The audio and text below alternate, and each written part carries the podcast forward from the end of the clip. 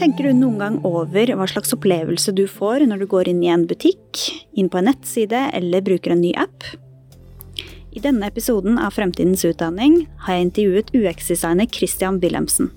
Christian har lang erfaring innen internasjonal hotelledelse og markedsføring for bl.a. Thon Hotel, Booking.com og O'Neill. Christian han brenner for å kunne glede folk med gode brukeropplevelser, og i denne episoden så skal vi snakke om nettopp det. Brukeropplevelse, teknologi og innovasjon. Og med det så ønsker jeg deg god lytting og læring.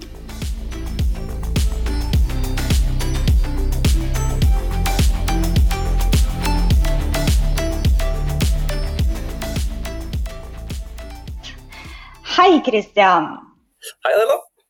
Hei. Takk for at du kunne ta deg tid til å gjeste denne episoden av eh, Fremtidens utdanning. Du, det var eh, bare hyggelig, og, og tusen hjertelig takk for invitasjonen. Jo, vær så god. Eh, kan ikke du begynne å fortelle litt om deg selv, og hvorfor du ble interessert i brukeropplevelse eller UX-design? Ja, Eh, det kan jeg gjerne ta oss og gjøre. Det er litt rart å sitte og prate om meg selv, men jeg skal prøve å, holde det kort. Eh, hei, alle sammen. Mitt navn er Kristian, og på mirakuløst vis så har jeg klart å somle meg frem til en bachelor eh, i internasjonal hotelledelse fra et eh, lengre opphold i Nederland. Eh, jeg har straks 15 eh, års fartstid innenfor salg og service, og opp gjennom tida så har jeg jobbet en del innenfor kjente hotellgrupper som Thon Hotels i Norge, men jeg har også, fått relativt, har også jobbet for en ja, relativt større og mer luksuriøse hotellgrupper i utlandet, som Intercontinental Hotel Groups og Jumeirah Hotel Group fra Dubai, for dem som kjenner de. Og for litt siden så jobbet jeg tre år som eh, den norske ansvarlige for Booking.coms satsing på, på Airbnb-markedet. Så mm, jeg skal ikke legge skjul på at det, har, eh, at det å skape gode brukeropplevelser har vært en veldig stor del av min hverdag. Eh, og selvfølgelig på bakgrunn av det, men, eh, og, og, mye annet også, så, så ønsker jeg å studere UX-design. Da jeg har sett både mye bra og mye dårlig når det kommer til brukeropplevelser gjennom mine erfaringer, både innland og utland. Og derfor så ønsker jeg nå da å, å være med og lære mer om det praktiske og teoretiske, for å kunne forbedre de opplevelsene vi som mennesker har når vi bruker produkter eller tjenester som blir, som blir tilbudt oss. Mm. Ah, så utrolig kult. Men sånn for, for, oss helt nye, eh, klarer du å break down UX-design eller brukeropplevelse for dummies? Altså bare virkelig forklare hva betyr det egentlig, og er det noen forskjell på UX-design og brukeropplevelse? Ja. UX-design, uh, user experience og brukeropplevelse, det er uh, en og samme ting. Uh, så det går for det samme. Men det er, et, et, sykt bra innledende spørsmål dere. Jeg kunne sikkert gitt en million svar på det. Men dessverre så har vi ikke tid til det i dag, så jeg skal prøve å korte det ned litt. Brukeropplevelser er kort fortalt noe som vi opplever kontinuerlig hver eneste dag. du kan se på det som Eller vi ser på det da som i hovedsak fem ting. Hva er det som blir brukt? Når er det ting blir brukt? Hvordan blir det brukt? Hvor blir det brukt, og hvordan brukes det? Kan gi deg, jeg kan gjerne, du, du vil kanskje ha noe spesifikt eksempel på, på hvordan man bruker eh, UX-design. Uh, Gjerne. Ja. Og altså Vi kan se på det sånn som det her. Eh, UX-design har en stor påvirkning på måten vi mennesker får en forenklet hverdag. Og et kjempegodt eksempel, i hvert fall i mine øyne, da, er jo hvordan selvbetjente stasjoner eller automater er plassert rundt omkring i samfunnet. Det er, jo ikke, det er jo ikke så fryktelig lenge siden mange av oss irriterte oss over lange køer i matbutikken, på togstasjonen, eller ved utsjekken i hotellresepsjonen. Det er ingenting, i hvert fall For min del så var det ekstremt irriterende til tider. Spesielt når du har dårlig tid. Så det problemet der sånn har jo blitt vesentlig mindre eh, etter at stadig flere eh, maskiner har blitt tilgjengelige nå, selvbetjente maskiner. Eh, men det finnes nok også utallige andre eksempler eh, som kan beskrive en, en, eh, brukeropplevelse. Men akkurat det med selvbetjente maskiner tror jeg mange relaterer seg til. Så du kan kan se litt på det. Du går, Hvis du er i butikk, da, for eksempel, du, du kjøper et produkt i butikken. Eh, du pakker det opp når du kommer hjem. Eh, du tester det produktet, og så gir du en tilbakemelding på det. All, hele den prosessen der sånn er også en brukeropplevelse, hvert ene av de stegene. da. Ok, Nei, men, det, men, det, var veldig godt forklart. Så hvordan vet jeg da, siden jeg har kjøpt et produkt sånn som du beskrev nå på slutten, um, hvordan vet jeg at jeg har fått en god brukeropplevelse? Ja, igjen så tror jeg det er et, det er et veldig individuelt hvordan man opplever en, en brukeropplevelse. Men jeg vil nok tørre å påstå at dersom du sitter igjen med en wow-følelse etter å ha brukt et produkt eller en tjeneste, ja, da sitter du igjen med en god brukeropplevelse. Du, skal, du, du som bruker da, skal jo kunne føle det at det produktet eller tjenesten vi tilbyr deg, gjør det enkelt, raskt og effektivt for deg å nå det målet du hadde satt deg da du kjøpte produktet eller tjenesten. Så det, har, en, eh, har, har, vi fått deg til å gjøre noe som du ikke legger merke til at du egentlig gjør, eh, da vil jeg også si at du har en god brukeropplevelse. Ah, hva betyr det? Nei, altså Det kan være f.eks. hvis du bruker et Eller åpner en dør, da, for den saks skyld. En dør er et veldig godt eksempel som vi bruker mye i UX-design. Eh, for, for, dører er i, veldig ofte laget for å være litt kompliserte, og jeg regner med at både du og jeg har flere ganger åpnet en dør feil vei. Men når en dør åpnes den veien og den riktige veien, og som er laget på en god måte, så er det nesten så du ikke merker at du åpner døren engang. Sånn som med skyvedører. Sånn som er de som er på sykehusene, som går begge veier, egentlig. Der er det, altså Du merker nesten ikke at du åpner døren, du går bare gjennom den. Mm. Ah, nettopp. Ja, men så bra. Så der, der, er det kanskje forskjell både på liksom, det du snakket om i stad, med automatiserte brukeropplevelser i form av eh, stasjoner, selvbetjente stasjoner som er satt rundt omkring, mm -hmm. og de, de, fysiske hvis man kommer inn i en butikk, eller det er kanskje mer sånn kundeopplevelse, det, hvis man kommer inn og får en god opplevelse inn i butikken av hvordan man handler produktet.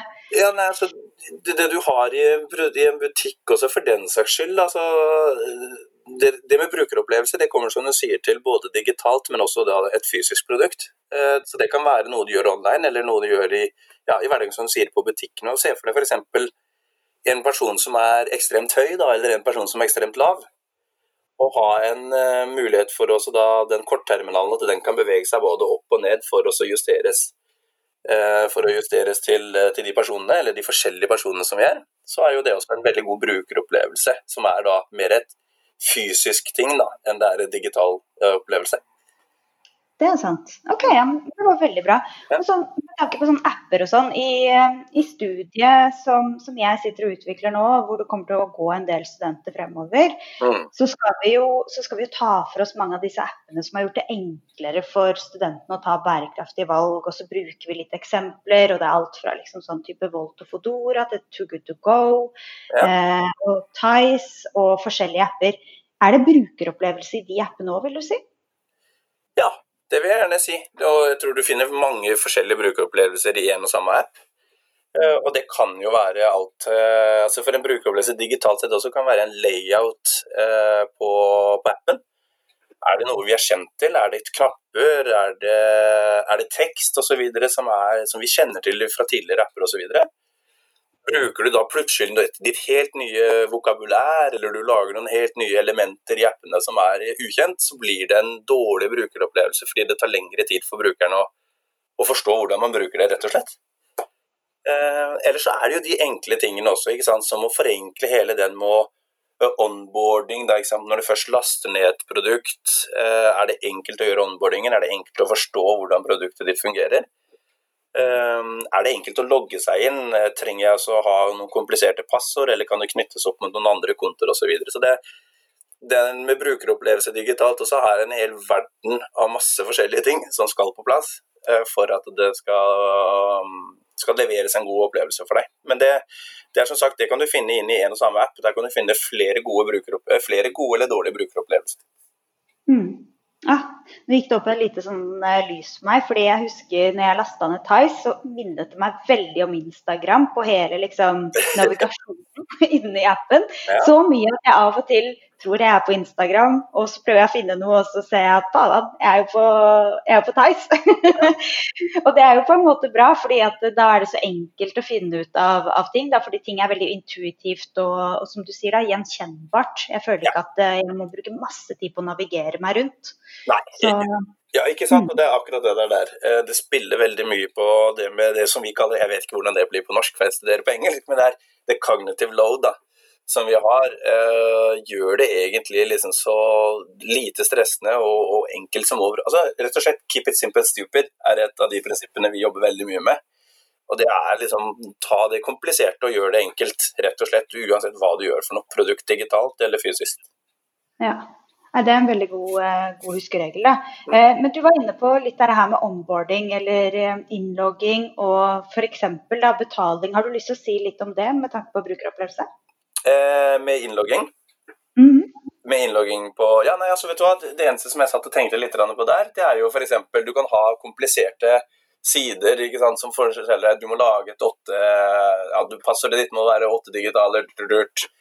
Det er mange elementer som skal inn da, for at det skal være sterkt og, og trygt uh, passord. Eh, ellers er det andre som gjør det eh, på, en, eh, på, en, veldig mye enklere måte, der de bare kan koble det opp eh, mot de andre kontoene som du har digitalt. Det kan jo også, i enkelte ting så kan det være positivt eller negativt. Eh, ellers så har du jo andre som, eh, som lar det heller Istedenfor at du skal drive og, og lage en profil for å bruke et produkt, så er det flere nå da som begynner å heller å la folk egentlig bare skippe hele den eh, registreringsprosessen.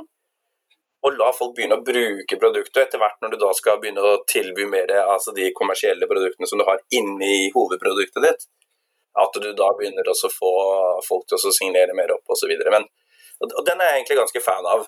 Eh, fordi i veldig mange tilfeller så er det sånn at du laster ned, du hører om en ny app, du laster ned, så må du lage en konto. Og den bare Det steget der òg er fryktelig irriterende. Det der uff, må jeg sette opp en konto, bare jeg er ikke sikker på om jeg kommer til å bruke det. Eh, men da heller gi brukeren valgmuligheten til å komme inn og teste produktet ditt litt. Og så, ok, greit, hvis han føler at han uh, liker produktet, så kan han lage en konto for å få tilgang til mer uh, Altså, han får ikke tilgang til hele produktet i seg selv i første omgang. Han får bare en liten sneak. Og så når han da har bestemt seg for at nei, vet du hva, jeg liker den appen her, den har jeg lyst til å bruke mer, da må han da lage en konto for å få tilgang til hele appen. Det syns jeg, jeg, er en veldig ålreit måte å gjøre det på, da. Ja, det, det, er veldig smart, for da fjerner du jo en sånn barriere som du sier også, ikke sant? for at folk kanskje ikke orker eller tenker at det er liksom bry å begynne å registrere seg. Og så nudger du også brukeren til å lage seg en profil hvis den er, hvis den er veldig fornøyd da, og har lyst til å vite mer. Helt riktig. helt riktig, og Jeg er sikker på at du, sånn som jeg også, har mange ganger vært inne på det der. Akkurat med det du kommer til det steget. Oi, du må lage en profil. Nei, da dropper jeg, ikke sant. Så da blir jo da uh, conversion ration din blir jo veldig dårlig. Ja.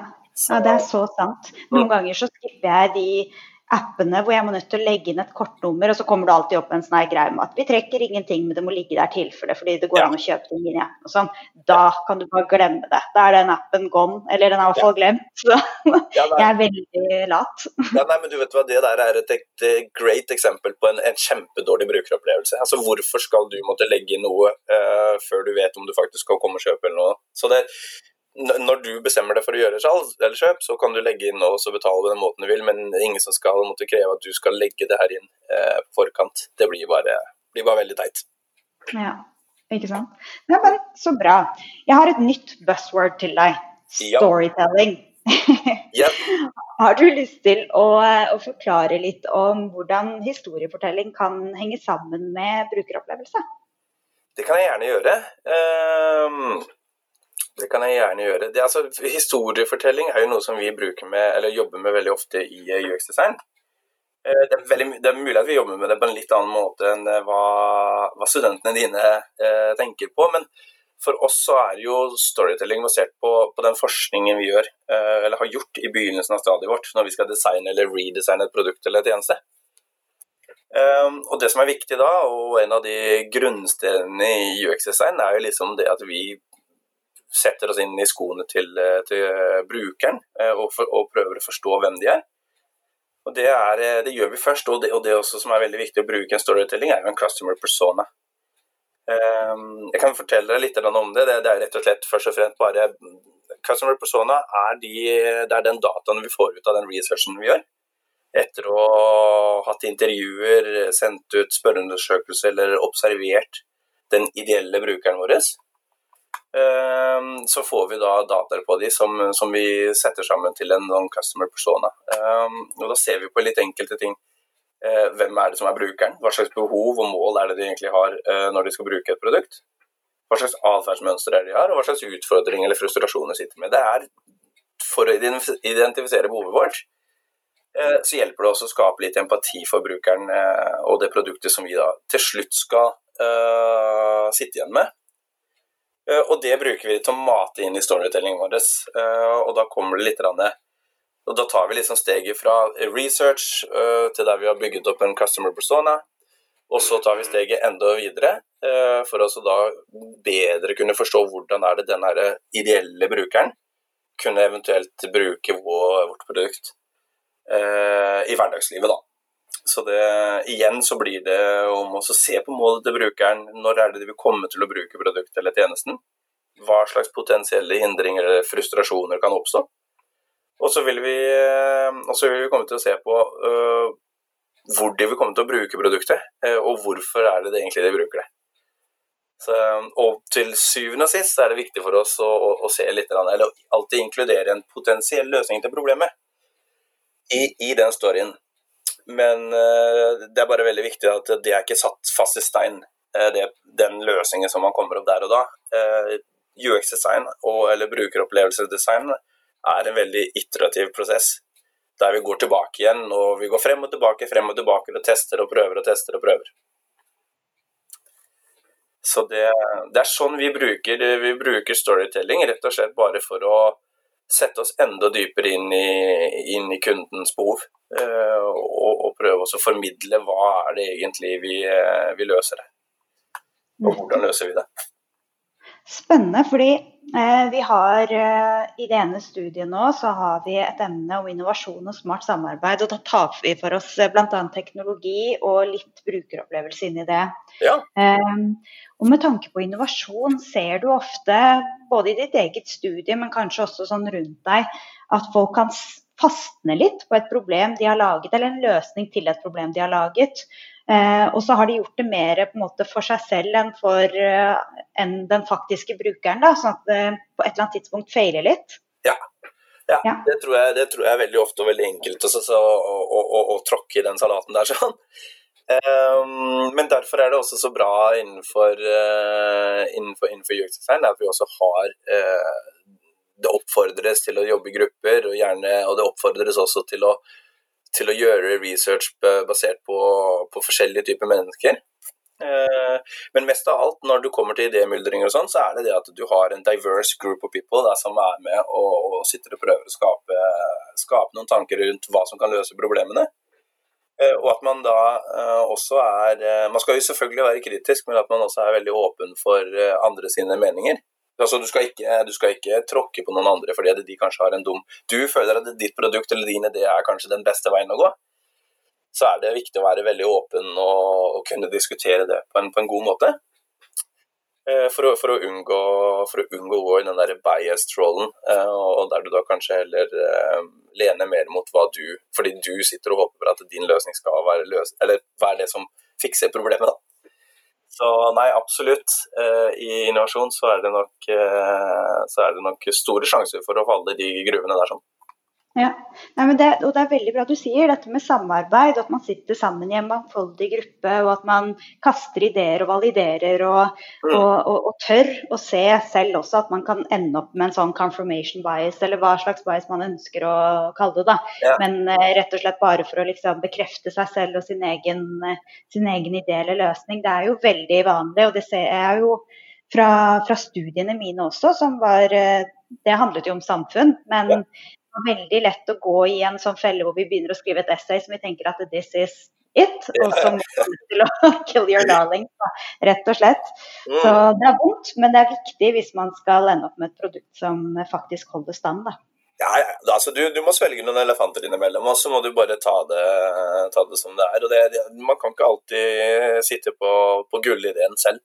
Så det, jeg, jeg tror det, ikke sant, og vi ser jo det også, å jobbe med litt jeg jobber jo en del alene, og så jobber jeg i grupper. og Jeg ser jo det med en gang jeg sitter alene og skal jobbe med delmyndring, sånn, så blir det veldig snevert.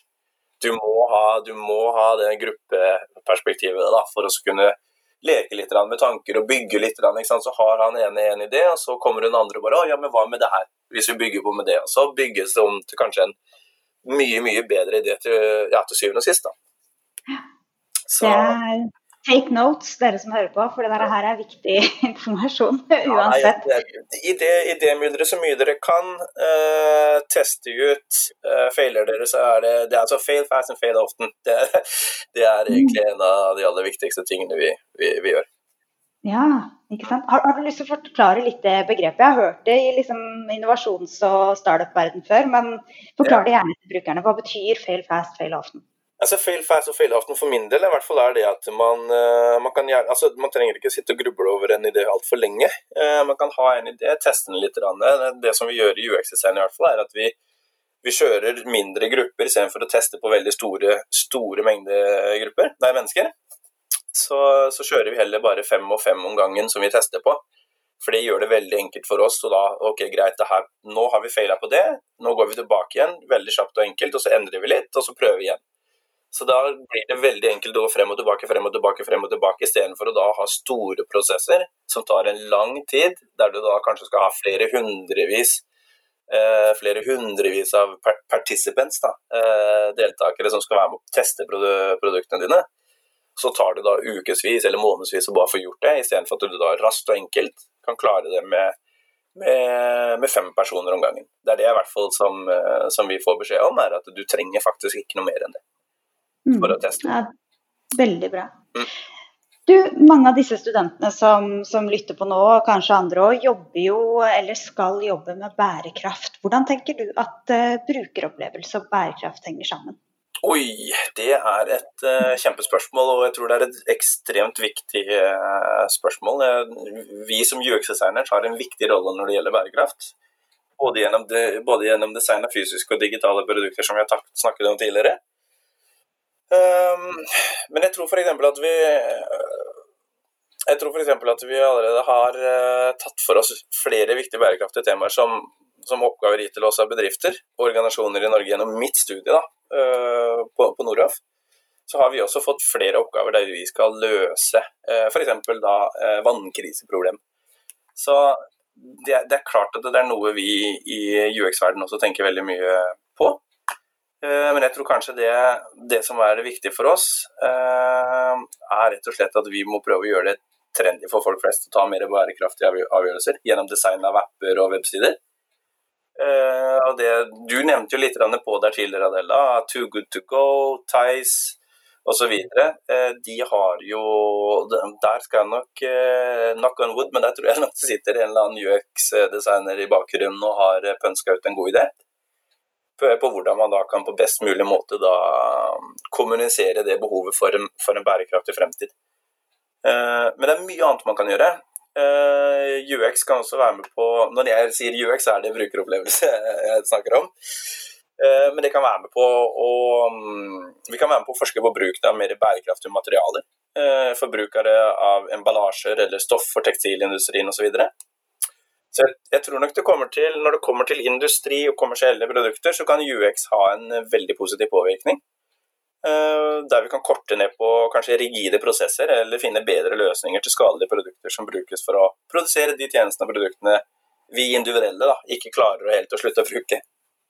Ja, ikke sant. Det er fantastisk. Men det, det, er veldig interessant, og det er også godt å høre at, uh, at man tar et ansvar inn mot bærekraftig utvikling. Det, det er kjempebra.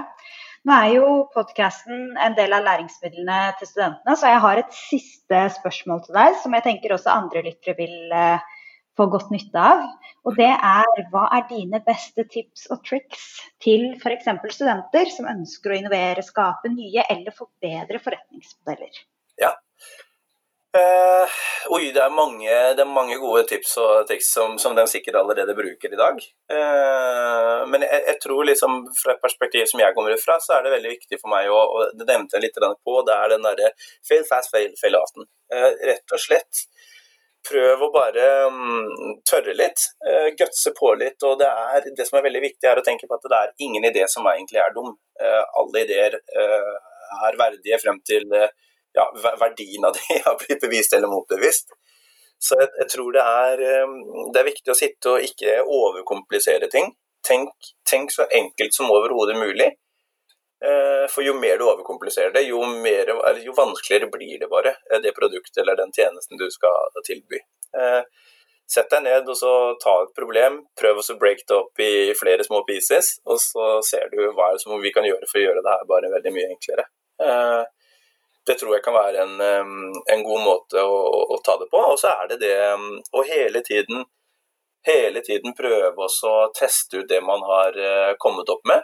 Uh, og teste og feile og gjøre det på nytt igjen, og ikke føle det at uff, nå, nå, nå er jeg ikke verdt noe fordi det her gikk helt i søpla eller noe sånt. Så det, det, er mange, det er mange designere og det er mange smarte hoder som sitter og lager mye dumme ideer, først og fremst før de klekker ut en bra. Så um, det er ikke det å, å, å lage et, et, kjempeprodukt, det er ikke gjort på, det er ikke gjort på en dag. Nei, det har du helt rett i. Nei, men Dette her er helt gull, Kristian. Da vil jeg bare si tusen takk for at du tok deg tiden.